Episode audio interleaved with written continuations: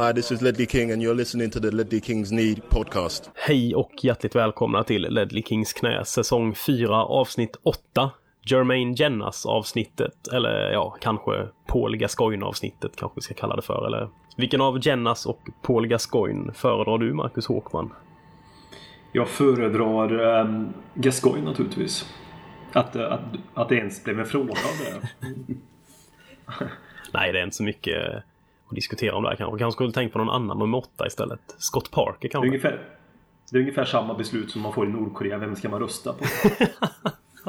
det är ungefär samma givna svar är på den frågan. Paul Gascoigne är våran Kim Jong-Un.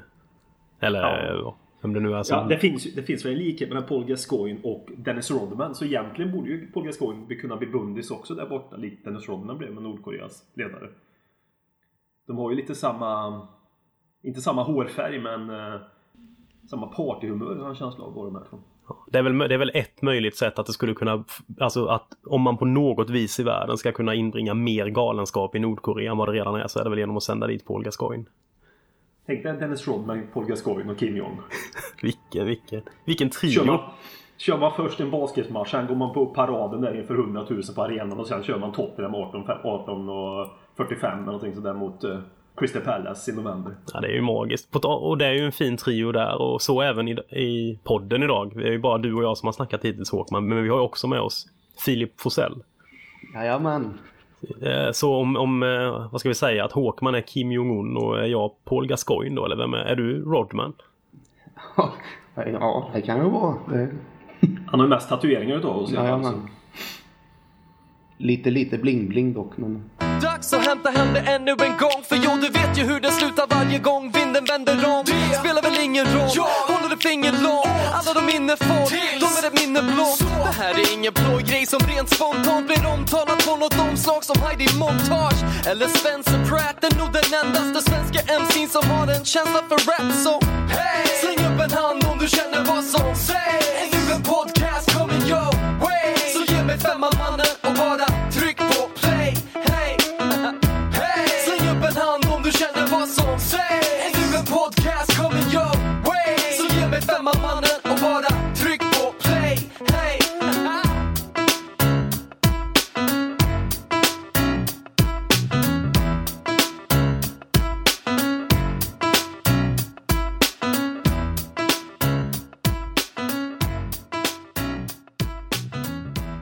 Sedan sist vi spelade in podden så har eh, Tottenham ju spelat match mot inga mindre än Liverpool.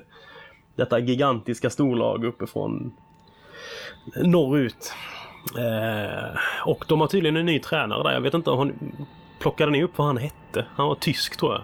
Jörgen någonting. Någon Mm, som vet? Flopp. Ja, flopp sa vi här. Ja. Flopp, klopp. Det var alltså... Ja, det var ett fruktansvärt tjat om honom i den svenska Viasat-sändningen här i helgen. Ja, jag gick ut, Ja. eh, ut här och för att se den norska sändningen på, från TV2. Som jag tycker brukar ha väldigt bra presentation, eller väldigt bra eh, upplägg på sina, både på studio och väldigt hög kvalitet på allt. Men det var, eh, ja, det var helt sjukt vad de snackade om det. Så det måste ju vara, det var ju sanslöst bra av Tottenham att lyckas få 0-0 hemma mot Liverpool med tanke på den, denna titan till tränare de nu har plockat in. Men det var, det var ju liksom den bedömningen som de gjorde här hemma vid på vi har satt i alla fall i halvtid. Jag tyckte att Tottenham bortsett från de första 20 minuterna var betydligt bättre än Liverpool.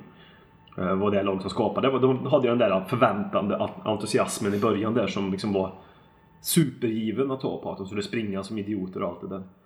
Men efter i halvtid så var det ju nästan som att du, första, man säger 14 utav 15 minuter utav eh, halvtidssnacket, det handlar om hur bra, vad bra Liverpool gjorde allting.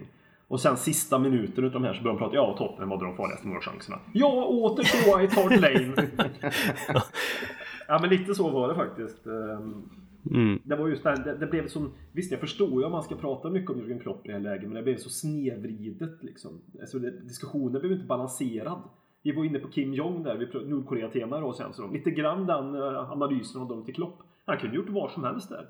Hade han gått ut på mittcirkeln och skitit i halvtid har de sagt ja men det där är något bra han gjort. Det där, alltså han kunde gjort vilket beslut som helst. Så de lyft fram det som positivt. Hade han gjort det så hade han tagit bort fokus ifrån spelarnas insatser och flyttat fokus till sig själv. Ja, men exakt. Ja, the normal one som man kallar sig själv också. Så. Ja. Not the special one. Ja. Nej, men han är ju charmig, jag tycker också. Han har ju sköna sidor och allting. Men det blev... eh, Ja, Mm. Nej, jag är också jag är ett väldigt stort fan av Klopp och det är därför jag, Ja. jag tyckte det var väldigt jobbigt att han skulle gå just till Liverpool. Eh, jag, jag tycker han är helt fantastisk. Eh, och, och det var det jag tyckte var så, så speciellt ändå att, att media kring den här matchen lyckas göra en sån sympatisk person som Jürgen Klopp. Nästan att man vill inte höra mer om honom. För jag har aldrig haft den känslan för jag är verkligen jättestort fan av honom. Jag, jag föll, inte så mycket nu, men förr så försökte jag följa Dortmund ganska mycket och när han var där, det var, ja, jag är ett stort fan men, ja, det var rätt jobbigt. Och det som du säger också, jag är ju besviken efter den här matchen att jag tycker ju Tottenham borde vunnit den för jag tyckte vi var bättre än Liverpool. Undantaget första 15-20. Eh, och det var ju också där i början kanske som de sprang rätt mycket och körde ganska hög press på, på Spurs. Men det, visst, det kan ju vara Klopps influenser taktiskt sett, men det kan ju också bara vara att spelarna har en ny manager och de hade ganska många skador i Liverpool, ganska många kanske reserver som fick spela, så de gav liksom 110% för att försöka imponera när de nu väl fick chansen. Så jag är lite, lite, lite osäker på om det verkligen är så mycket just Klopps taktiska eh, influenser som avspeglade sig i hur de spelade i början. Eller vad tror ni? Ja, så, så, med den intensiteten och med den pressen de spelade, det är nästan de spelade, jag tyckte de spelade dumdristigt. Det liksom, man ska ju spela med press men det var ju Det var som eh, en klassfotboll ungefär. Någon såg bollen, och alla bara sprang efter bollen.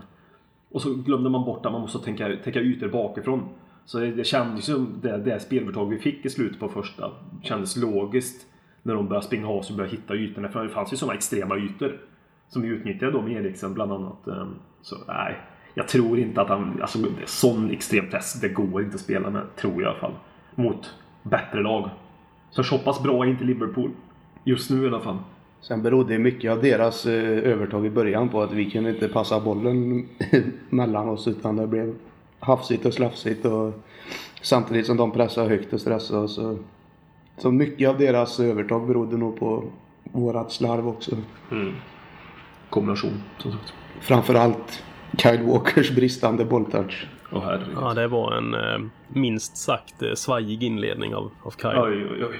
Vi kan ju i alla fall fastslå nu, unison säger jag utan att ni har sagt er åsikt, att Ben Davis ska spela vänsterback. Danny Rose passningsspel var ju inte heller briljant. Nej. måste jag det säga. var det inte. Han slog många konstiga pass där som blev... Och du, ja.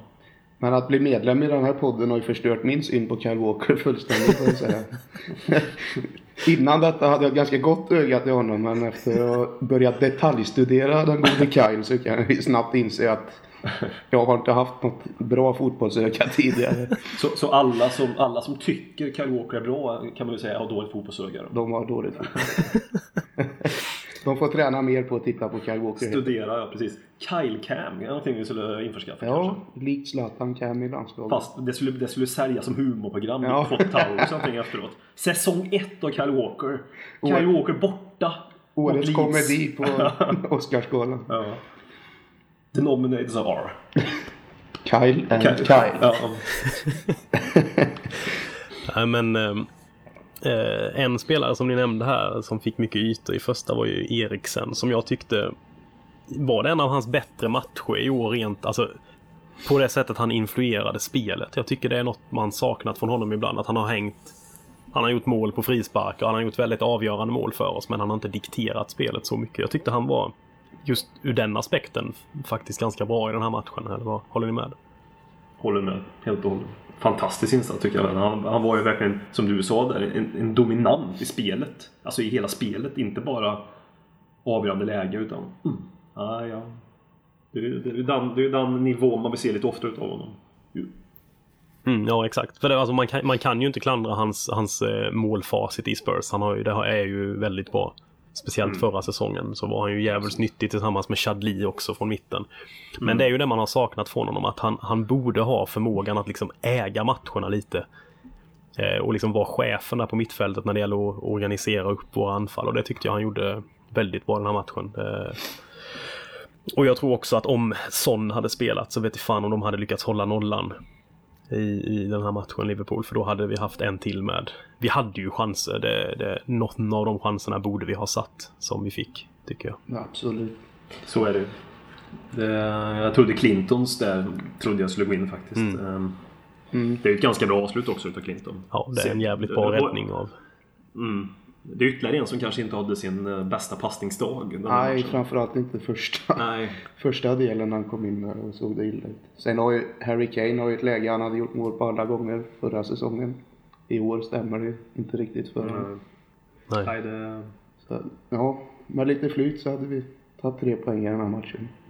Ja, men Och med sån som du säger tror jag också. Ja, och Clintons insats, den var ju inledningsvis såg det ut som att det var en... Ja, jag vet inte vad det var. Helt, allt var ju fel, men jag tyckte han tog sig faktiskt ganska bra.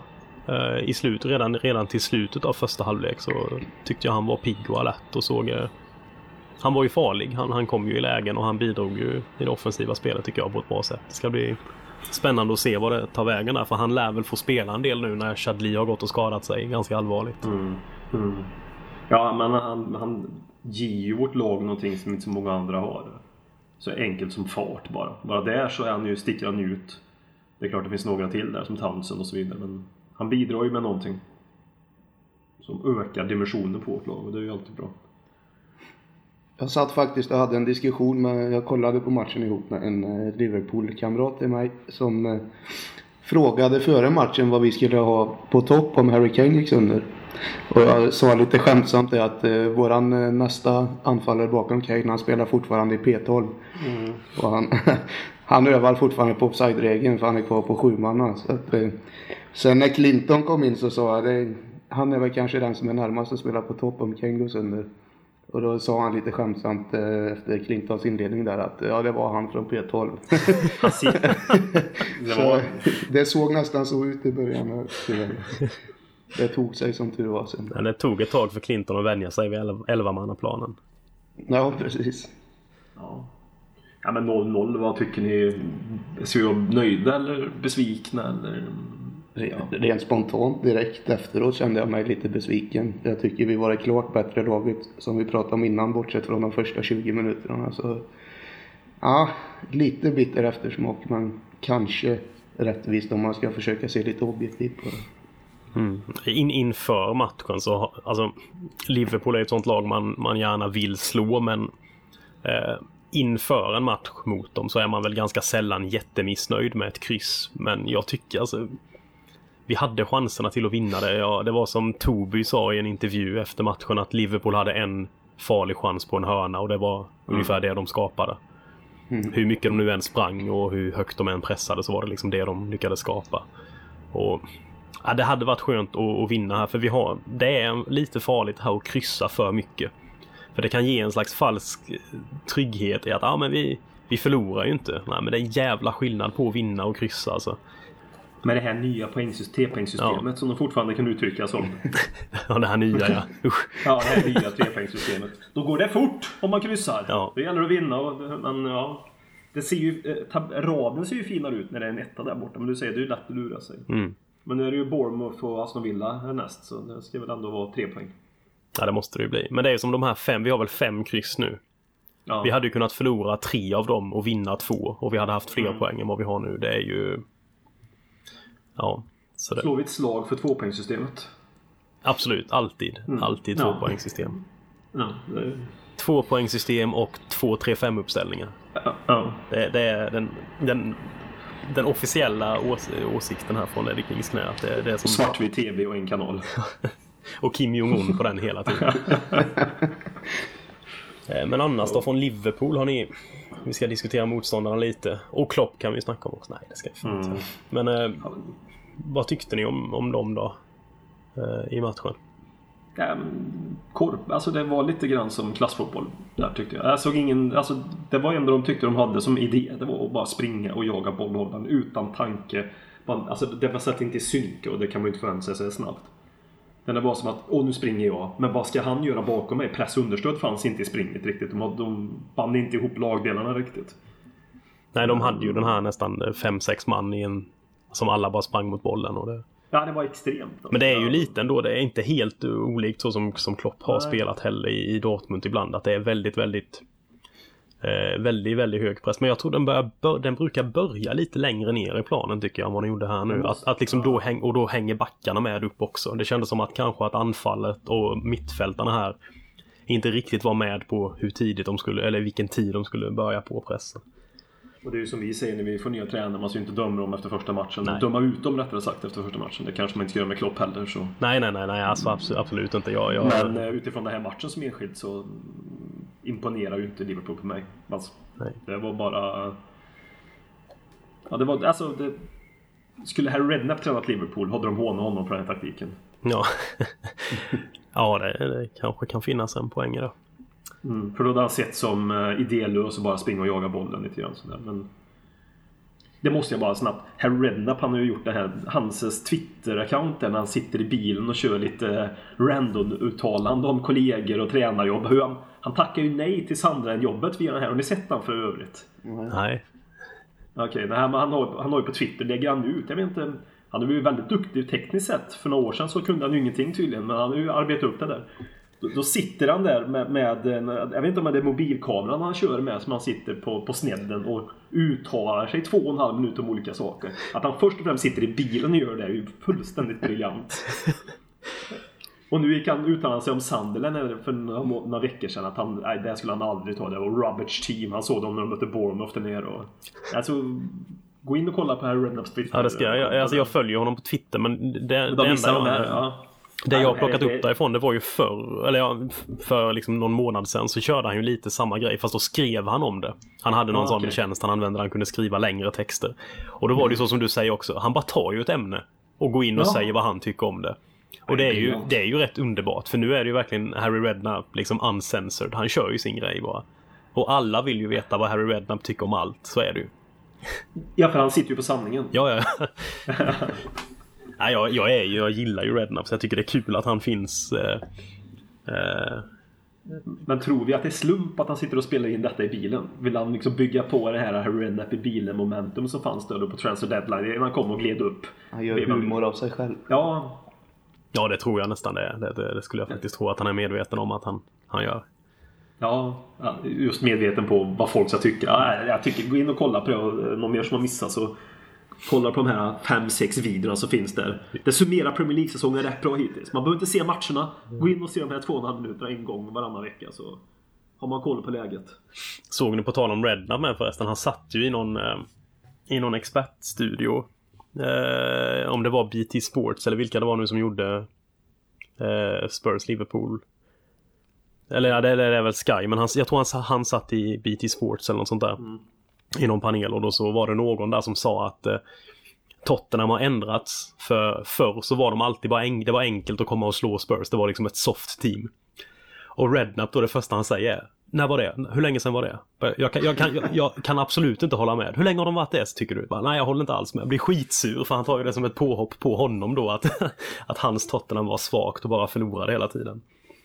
Ja, han, han står upp. Jajamän, han är ju Tottenham through and through Harry. Det, Ja, det är så han det ju. Jag vill ju minnas att vi var ganska svårslagna på White Hart Lane på den tiden. Ja, Ja, nej, jag tyckte med Harry hade en liten poäng där. Det är lite enkelt. Och... Ja, det, fin- men det finns en myt om Tottenham som är så. Och då krävs det 2000 eh, så att säga, andra resultat för att den myten ska försvinna. Det krävs så väldigt mycket. Nej, Alltså för säg 10 år sedan kanske, eller 12 år sedan kan att jag kunde hållit med lite mer om att vi var ganska svaga. Men jag tycker under Harry var ju en som plockade in sådana spelare som just Scott Parker och spelade ju då så mycket och hade typer i laget som gjorde att vi inte riktigt vek ner oss så jävligt som det blev.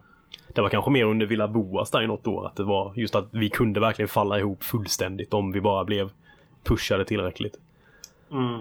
Och så var det i alla fall på 90-talet. Men det berodde på att vi hade shitty team helt enkelt. Och Christian Gross, den briljanta tränaren som stod där. Och då var det ju one man team, Ginolan. Men ja, då faller vi också igenom. Men det berodde nog mer på bristande kvalitet i startelvan. Än någon, någonting annat. Nå- Än en Tottenham-myt så att säga. En, eh, en sista sak här om Liverpool-matchen nu. Det är ju, är ju fortfarande inne på det segmentet. Även om vi har gått över i Rednap-segment lite. Det är bytet med Andros Townsend på slutet när det är fyra minuter kvar. Mm. Kommentar på det? Filip? Ja. Ja, jag förstår inte det riktigt. Alltså, jag vet inte vad Andros Townsend ska komma in och förändra i det läget. För det första så har ju en schimpans större fotbollshjärna än honom. Så, nej, jag vet inte. Nej, jag, Nej. jag är väl kanske mer... Eh, jag ska inte säga att jag är en, en, en Townsend-hyllare men han har, ju, han har ju ändå en möjlighet att komma in och, och förändra saker lite. Men det är just, just tiden jag tänker på. Jag, jag kan tycka att det bytet kunde gjorts 30 minuter tidigare än vad det gjorde. Jag förstår inte de där offensiva bytena man ska jaga när det är bara några minuter kvar. Nej, det... det- är mer, det är mer logiskt att ta in en defensiv pjäs i sådana fall. Ja. Fyra minuter kvar. Om man ska försvara någonting. Säkra upp en tredje mittback eller ja. För jag tyckte... Alltså hur många bolltoucher hinner man få på fyra minuter? Nej, det, det kändes bara så. Och, och hur det känns för honom också. Det är nästan bättre att bara sitta av skiten liksom än att få komma in i ett par minuter. Det är ju logiskt också att om man slår någon spelare som är 2,10 lång och börjar slå långt Mm. sista fyra. Alltså destruktivt spel. Men det här är ju... Ja, jag håller med. Ja, nej, jag tycker han, han blandar och jag tycker ibland är Pochettino klockren med sina byten och ibland är han Mm. är det väldigt mycket frågor kring honom. Ja, för, för I min mening så jag tyckte Lamela hade en, en svag dag på jobbet. Och, Mm, nej, det tycker jag också. och han kunde gott blivit utbytt alltså. Bra mycket tidigare än vad han blev.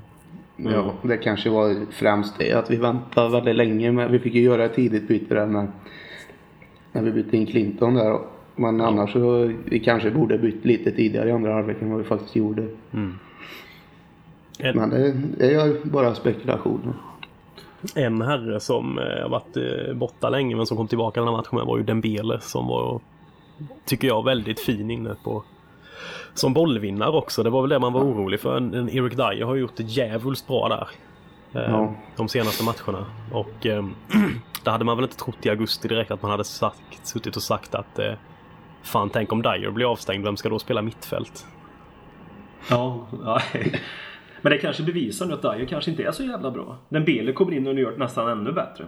Han har ju ett par fantastiska brytningar. Alltså. Ja, han, han, han är ju så sinnessjukt stark med bollen när han har den. Det är ju, Ja. det, nästan vad som helst kan ju hända. Han behåller, han blir fan inte av med den alltså. Jag fattar inte hur han gör det.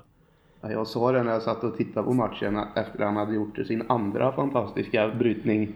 När han kommer bakifrån och klockrent bara drar med sig bollen. Att, att han gör det jobbet och bryter fantastiska brytningar. Men sen också att han är så grym på att behålla bollen precis som du säger Folin. Att det går inte att ta bollen från kvar när han väl har den. Han tar sig ur de mest knepiga situationer.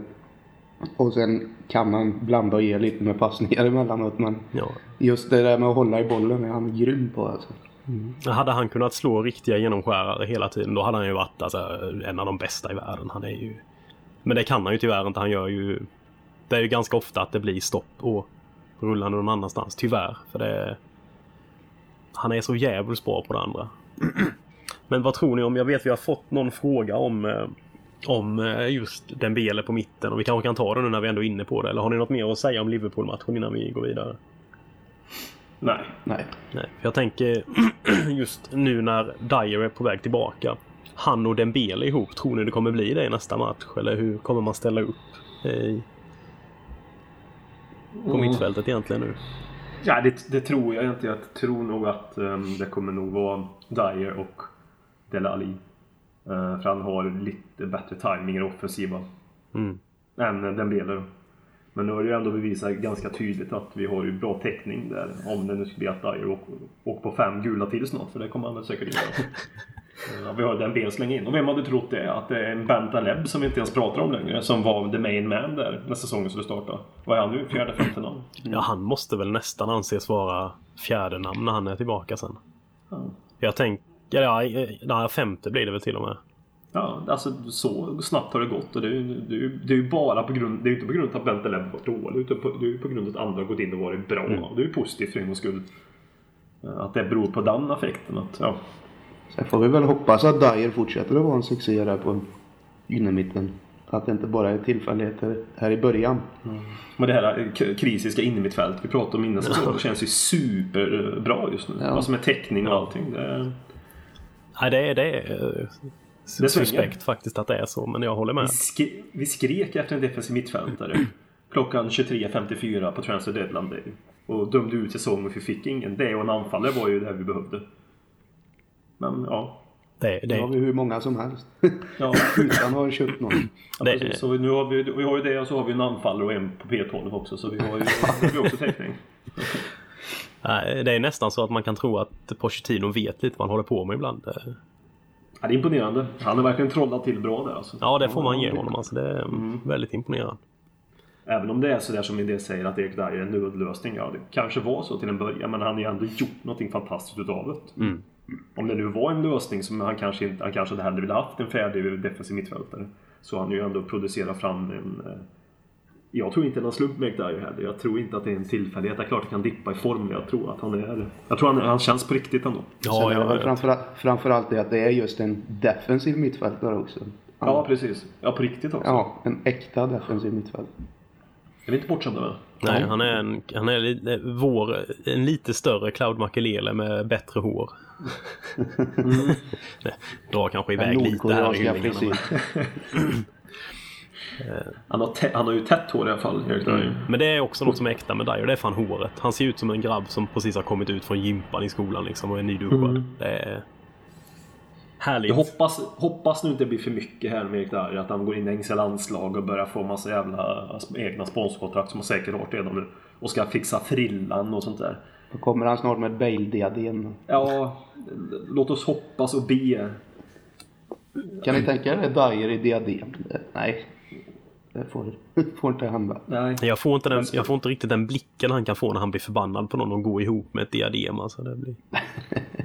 Han har en liten psykoblick där. Ja, det har han han, fan. han, ja, han står ju upp för laget också. Han känns ju även som det är. Han, han känns ju som att det är... När Loris lägger av i Tottenham om tio år så går ju den där bilden över till Dyer då som är fortfarande kvar i laget. Mm. Det känns som att han har ju verkligen kaptensämne i sig. Absolut. Inte bara för att han är en gris på det, men han står ju upp för laget på ett, på ett fint sätt och står upp för medspelarna. Och,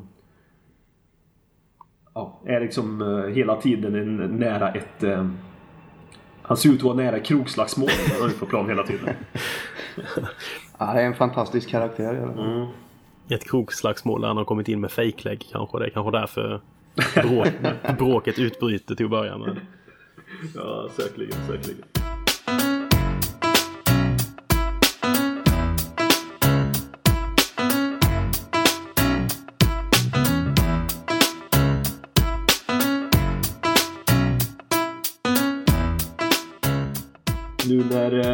Dan med Alzheimers inte är med så tänkte vi prata om gamla minnen, alltså BM. Som inte minns någonting.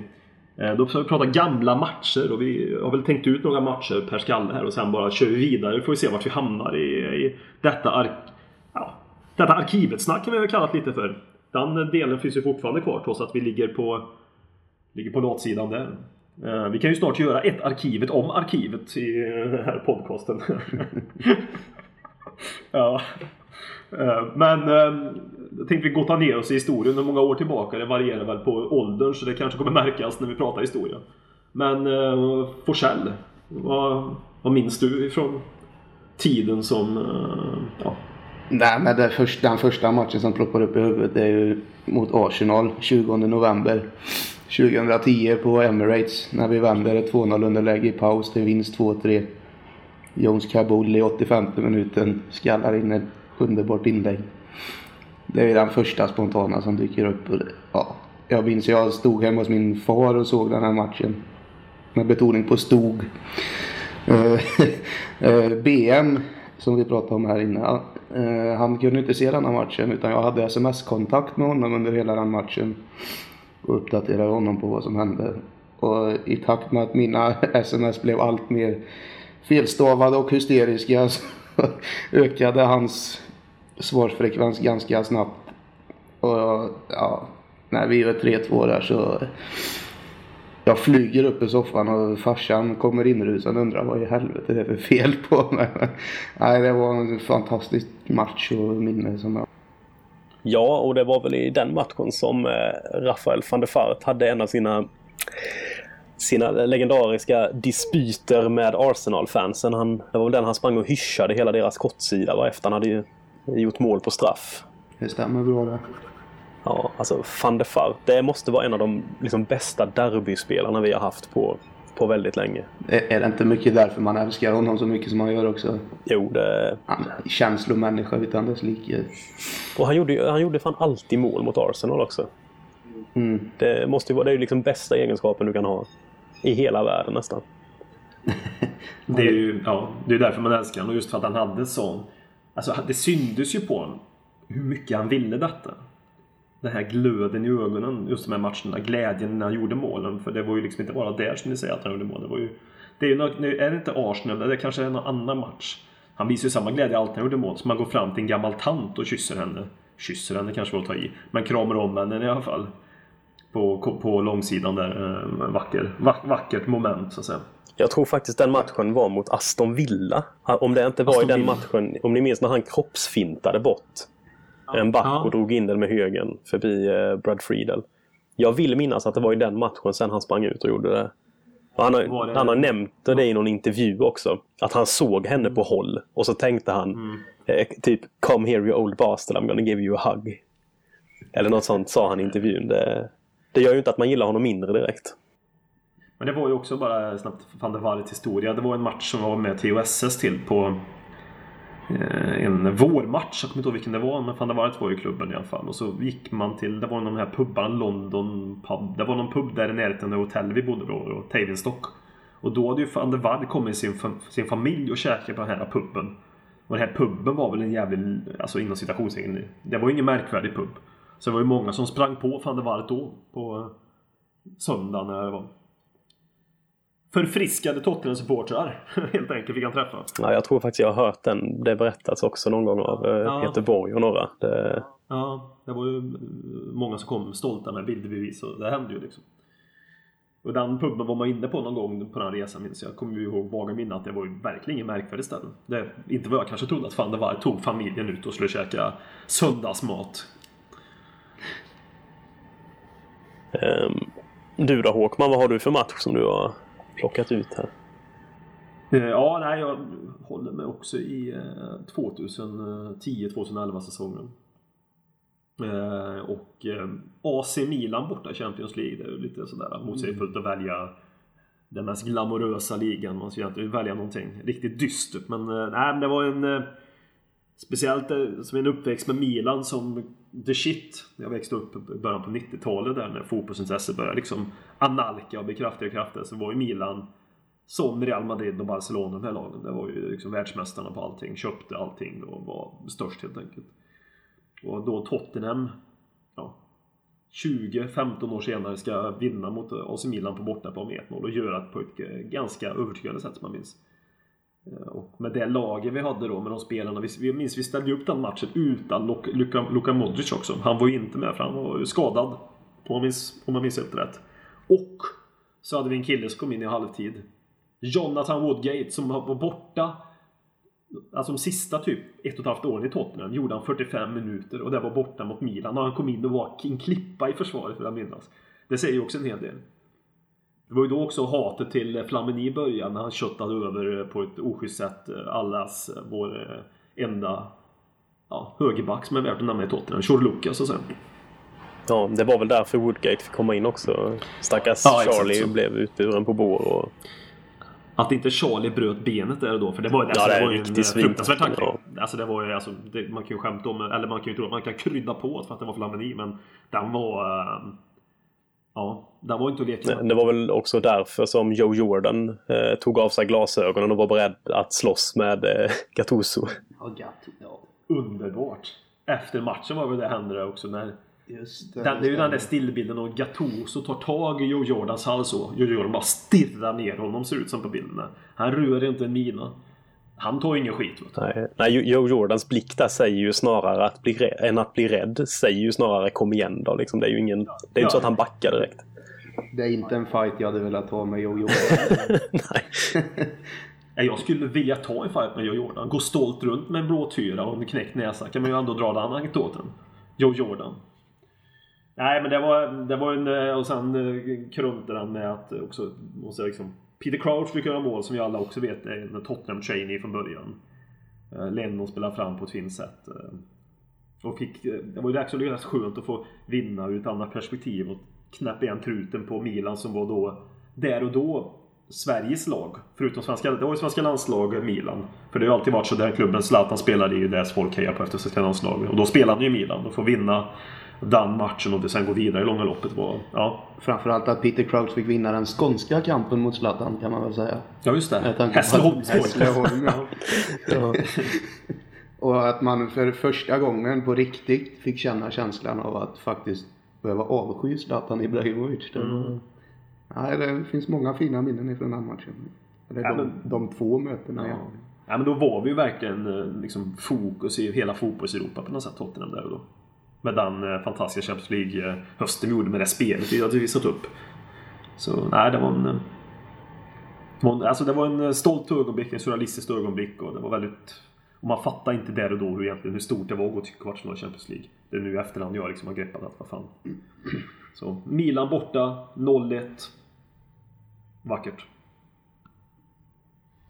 Jag, den matchen jag valde ut som en av de mest speciella ändå, det är...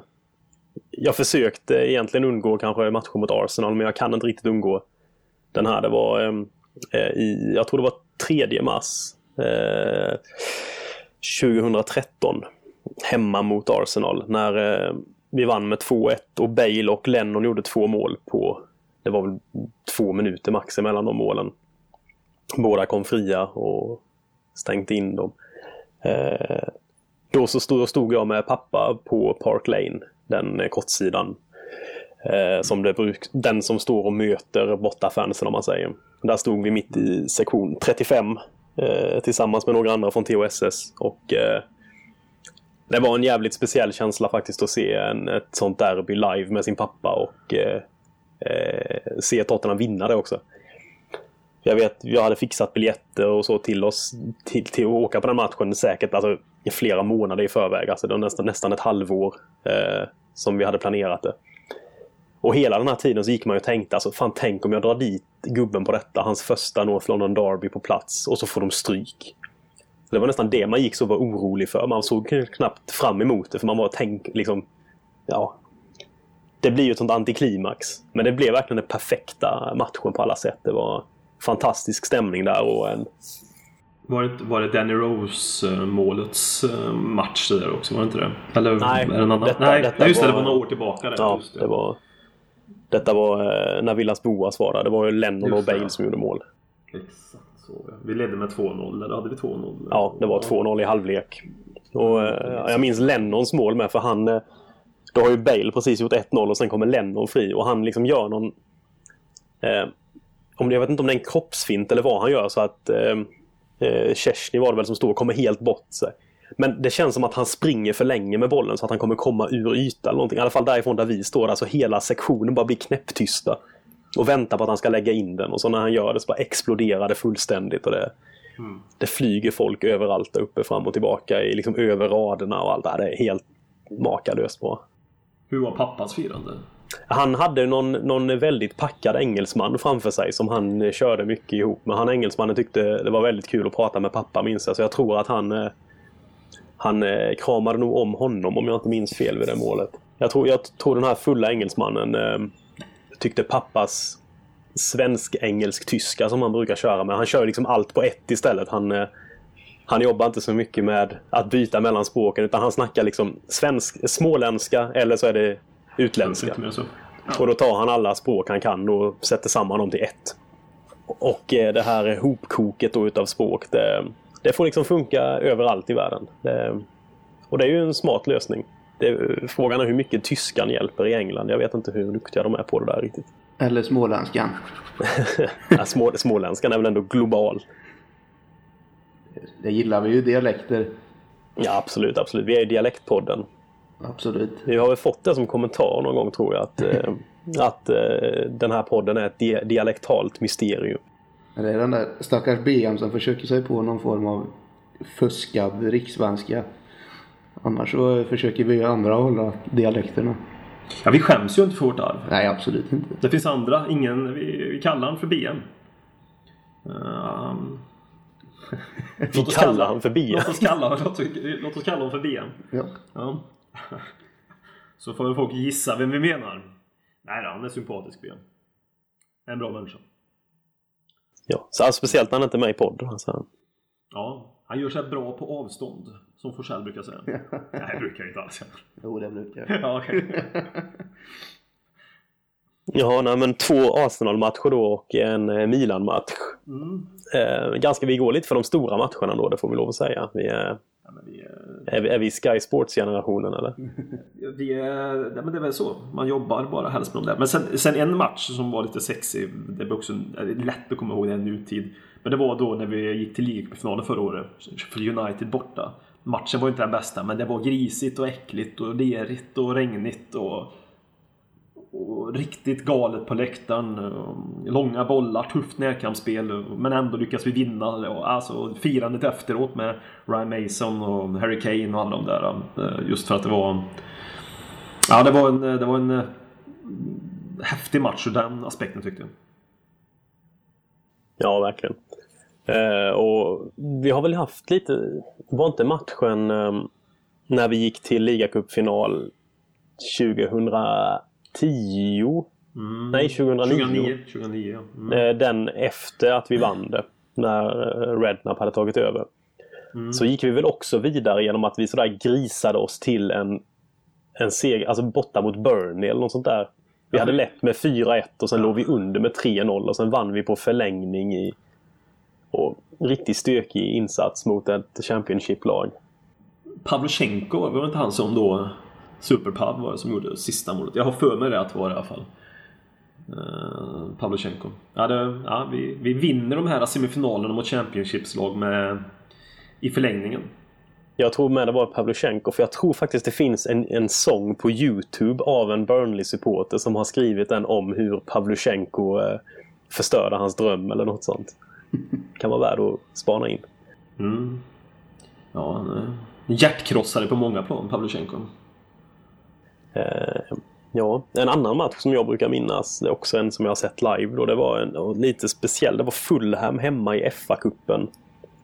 Jag tror det var höst, nej tidigt på våren eh, 2010. Vi vann med 3-1. Jag tror vi vände ett 0-1 underläge. Eh, jag tror Gudjonsen och Pavlyuchenko bland annat gjorde mål. Mm, Jävligt bra stämning på den matchen var det. Det var en kvällsmatch London Derby. Ganska kallt ute så alla hade druckit lite extra på läktaren för att hålla sig varma. Det var, det var en fantastisk stämning på den matchen. Det var också en jävligt kul match att se. Men alltså kvällsmatcher som lyckas blir ju per automatik ett minne. De är, det är någonting lite vackrare över det när det är kvällsmatcher. Tycker jag. Det, och lite rått och jävligt. Men kvällsmatcher i mörkret är top notch. Ja, absolut. Eh, och även Sevilla hemma. I 2006 kan det ha varit det. När vi åkte ur kvartsfinalen i Uefa-cupen. Eh, Det var emot Juan Ramos då. Med Martin Joll.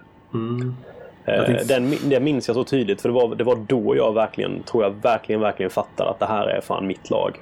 Det var när vi åkte ur där. För vi låg under med 2-1 från borta matchen. Vi låg under med 2-0 hemma efter typ 10 minuter. Steve Malbranc gjorde självmål. Men hela tiden så sjöng Spurs-fansen och de sjöng eh, efter vi hade gjort ett mål så tror jag, tror jag de sjöng sådär We only want three more eller four more eller vad det var. Det var ju så, det är helt omöjligt att vända nästan men det var ändå stämningen var kvar där för de, det, alla var så jävla stolta över att vi, hade, vi var på väg tillbaka i Europa också på något sätt kändes det väl som. Att vi hade ändå kommit en kvart i Uefa-cupen.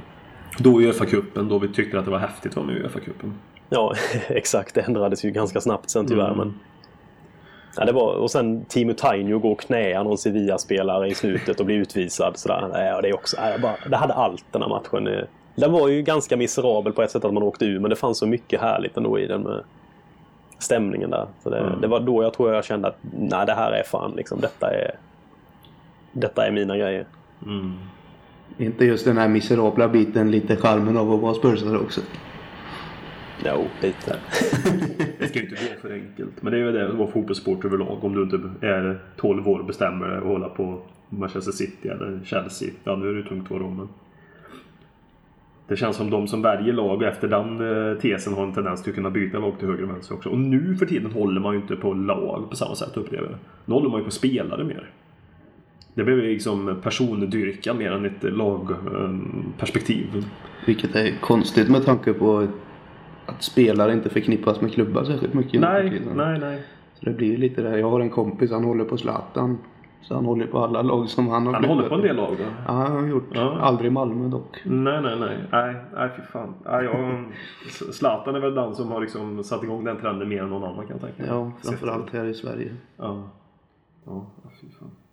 Jag ska Ja, fan börja hålla på. Team Tainio tror jag. Det är ju vackrare. Jag ska behålla laget som Eidur Gudjonsson spelar i. Han spelar ju fortfarande. Han kanske bara spelar i isländska landslag nu. Jag vet inte. Det är möjligt. Han, han är ju med där i alla fall. Var spelar Eidur Gudjonsson? Ingen aning Ja, faktiskt. fan hade... Men han är ju med i landslaget fortfarande har jag sett. Han har ju varit med på bänken. Jag vill ju någonstans tro att, att, de, att landslaget bara kallar upp honom fortfarande. För de vet inte att han har slutat. Vem fan ska vi annars? Vi har alltså kallat upp eh, honom till landskamp i 20 år. Vi kan ju inte bara sluta nu. Men det fanns ju en spelare som nästan var som är på slutet. Det var ju Jari Littmanen. Han, han, stod, han stod ju skriven på, på en klubb. Men han spelade aldrig i klubban. Han var, han var ju i Malmö FF där under två säsonger. Ja, det gjorde, gjorde väl en och en halv match eller någonting. Sen gick, gick han över och spelade för en finsk klubb. Gjorde knappt någon match heller. Men landslaget gick han in och körde 90 minuters matcher och var med hela tiden. Det, är ju, det måste ju vara ganska unikt ändå. Typ bara spela landslagsfotboll.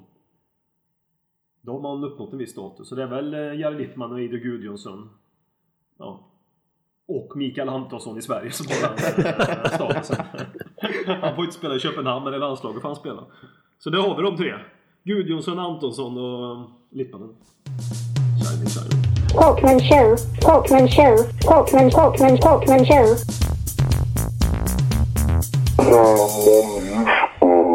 Det har väl inte undgått någon att Eh, vi har satt sända all fotboll i hela världen nu framöver och uh, i tre år ska vi få se all fotboll som någonsin spelas på andra jordklotet. Och eh, uh, med all fotboll i en kanal så krävs det ju också 40 nya anställda. De har ju toppat den här anställningen inför säsongen när de signade upp Bojan Djordjic. Uh, när jag säger toppa så är jag ironisk. Det är inte alla som förstår ironi, men jag är ironisk. Ehm, Bojan Djordjic säger ju mycket och han kan ju låta liksom som han har åsikter. Han har ju mycket åsikter. Men det känns som att han är lite grann som Niklas Wikegård är i hockeyn. Han säger bara saker för att det ska låta som att han vågar stå för någonting. Han bara ordbajsar hela jävla tiden. Och man har ju fått stå ut med den här Bojan, Bojan i studion tidigare. Då har man ju ändå en möjlighet att slippa fanskapet tänkte jag säga, men så gott som i 90 minuter. Men nu var han ju även över och eh, kommenterade Tottenham-Liverpool här som eh, i lördags. Och ja, jag, jag valde ju redan från eh, matchminut noll att köra mute, så jag vet ju inte hur hans insats var. Men det är ju, det är liksom, man vill ju, det vore ju skönt om det fanns ett alternativ. Där man kunde välja att filtrera bort kommentatorerna och bara ha eh, läktarjublet, läktar och få den intensiteten, alltså få det, pulsen ifrån det så att säga. Så om de har lagt ribban på Bojan Djordjic vi har satt så har vi, så blir intressant att se vad de väljer som italiensk expert. Jag kan väl gissa på Marcus Birro vore väl någonting att få en reunion där, att han går in och dammar av sig. Nu såg jag att det var Thomas Nordahl då, men Marcus Birro kanske vore någonting för den där.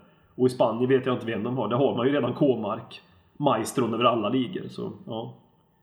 Jag är, ser med fasa fram emot vilka som ska få uttala sig om fotboll här nu de kommande tre åren. Tack!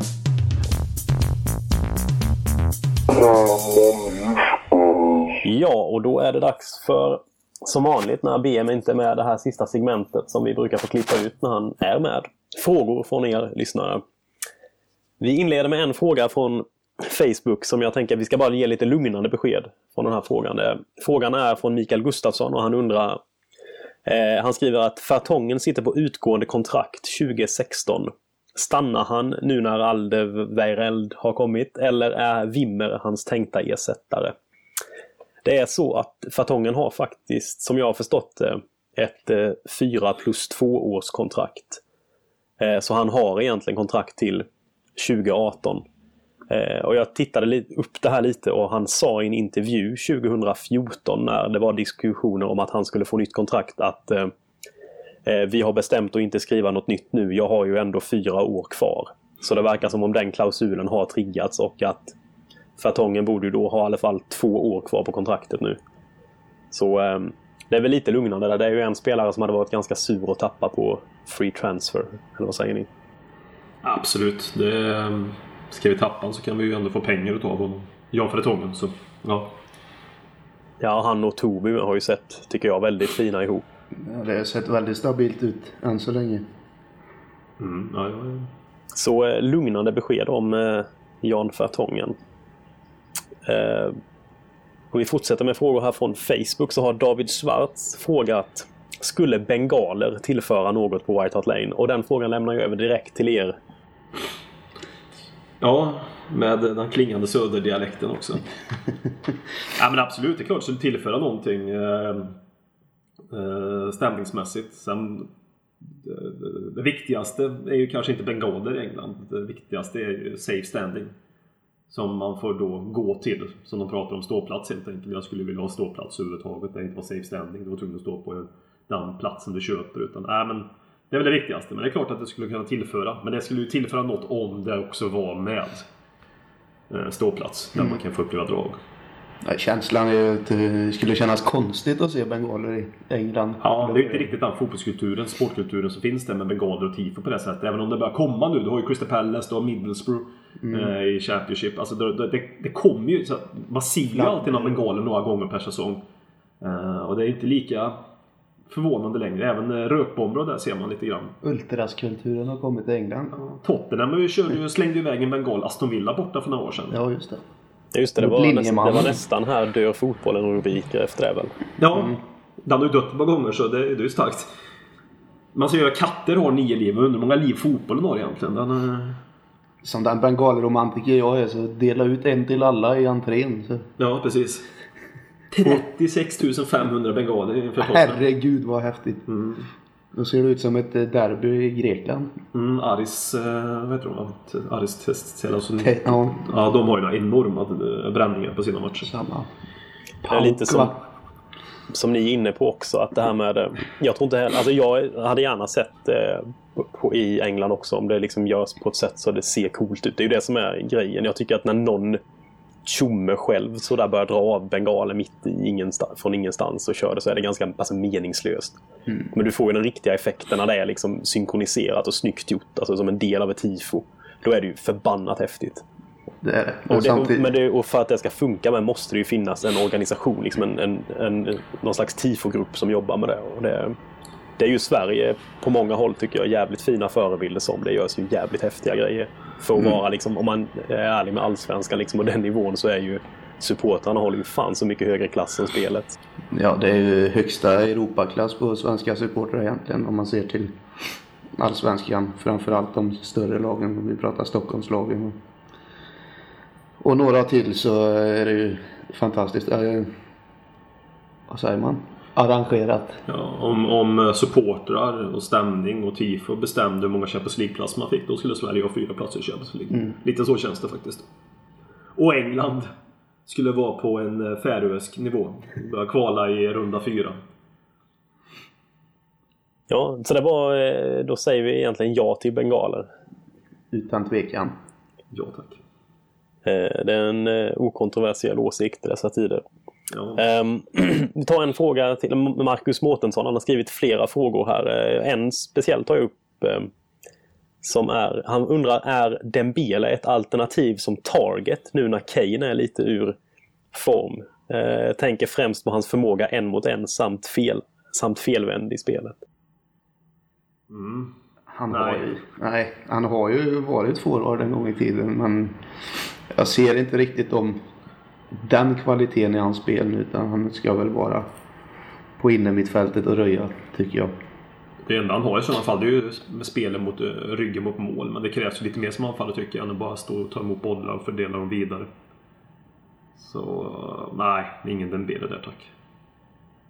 Nej, jag, jag tror... Eh, jag, är, för jag, jag, tycker det är lite intressant att tänka på just det hur han är och att hålla upp bollen och det. Och det är han ju jävligt bra på. Men det hade nog mm, blivit absolut. väldigt lite genombrottskraft från honom. Mm. Det, Ingen in i boxen nu istället? Nej, då hade han väl alltså- behövt kanske både, både Son och eh, Clinton som, som spelade anfallare ja. också som sprang åt honom i de ytorna. Um, om vi går vidare med lite Twitterfrågor. Karl Eriksson undrar på Twitter om skadeläget och när beräknas Son Mason och Bentaleb vara tillbaka och kommer de då gå in i elvan?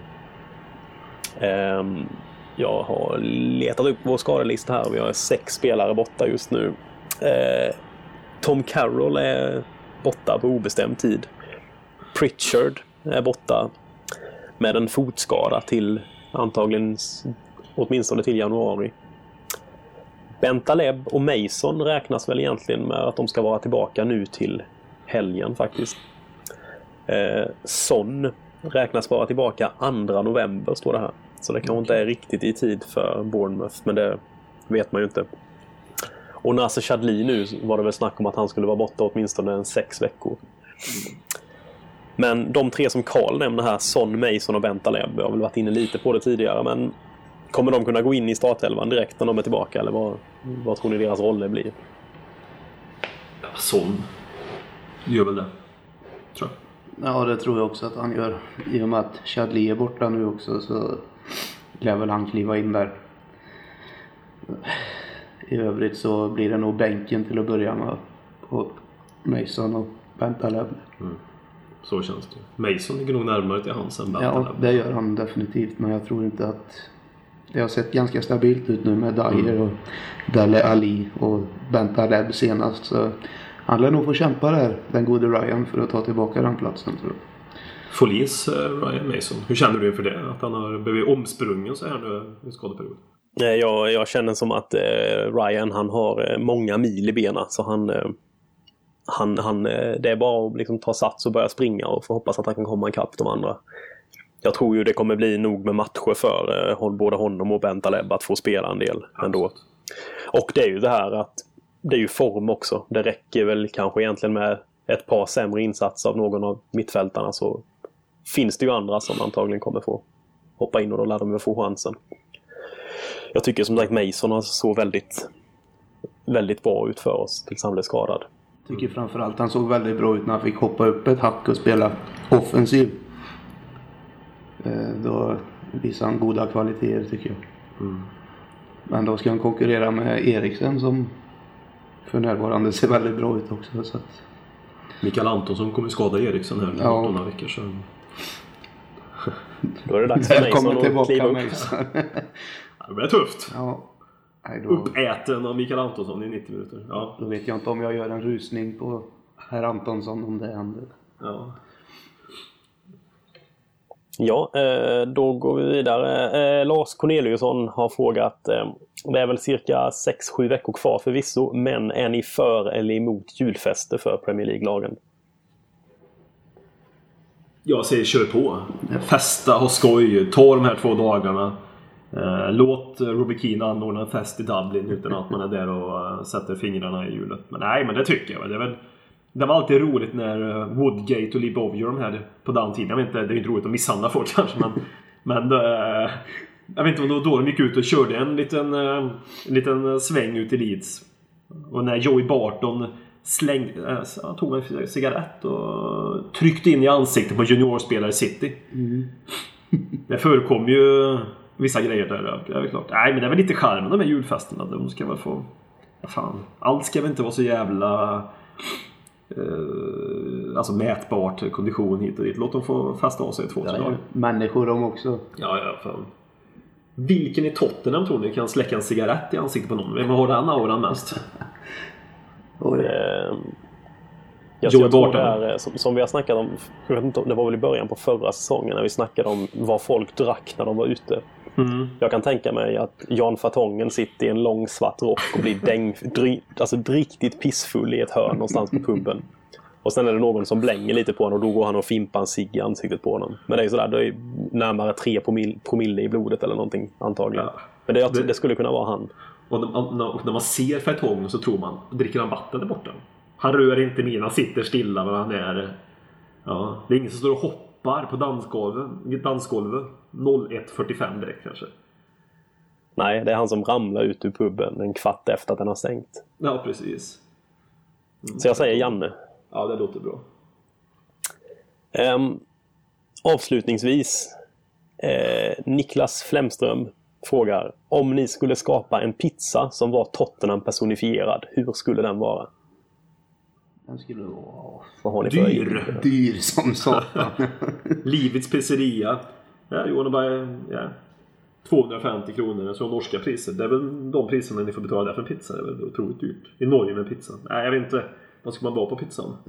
Absolut inga oliver och mozzarella och sån här skit Nej, i alla fall. nej, nej, det är inte bra. Nej, ingen aning. Mycket kött och ja, kött och sås. Hur är kött och sås Tottenham? då? Kött och sås. Ja, det är, ja, det är blandat och ge lite. Vi sa inget griskött heller. Vi får koppla vår judiska koppling till Ja, det Tottenham. vi. Det går ju inte att ha griskött. Så det, det, den tar vi bort. Och Ingen som någon sa, eh, alltså så, det, det kanske är mer Levi-pizza än något annat, men att alltså en ganska bra deal ändå. Eller att, att de som köper den tror att de får en bra deal, men i själva verket är det en jävligt bra deal för pizzerian. Och ändå lyckas han få och gammal ost eller något sånt där som man smyger på. Ja, precis. Tänker två för en lite. Ja, lyckas man sälja Kabul för 4,5 miljoner pund eller vad så kan man nog sälja en pizza för um, överpris. När man inte smakar därefter. Ja, nej men jag tänker sådär, alltså råvaror som precis har gått ut. Men de tänker nej det funkar, det där är bara riktlinjer, så det är inte absolut att... Ja, Ja, där har vi det. där har vi pizzan. Absolut, helt enig. Så det är inte så mycket om vad som är på den egentligen, så länge det är precis förbi bäst före datum. Ja. Och så för ett hutlöst pris. Lite Eller- som Jones Kabul. va? Ja, vår Jons Kabulpizza. Ja, är det så vi rundar av denna veckans avsnitt kanske? Så är det. Det tycker jag låter som en bra... Bra avrundning på ett avsnitt utan eh, vi kallar han för BM. han som vi kallar för BM. Ja.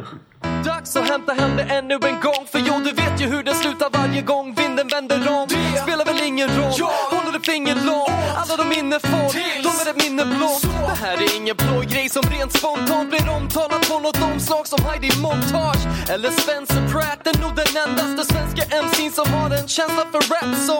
Hey, släng upp en hand om du känner vad som sägs. Är nu en podcast coming your way med femma mannen och bara tryck på play. Hey, hey. Släng upp en hand om du känner vad som sägs. Är du en podcast kommer jag way? Så ge mig femma mannen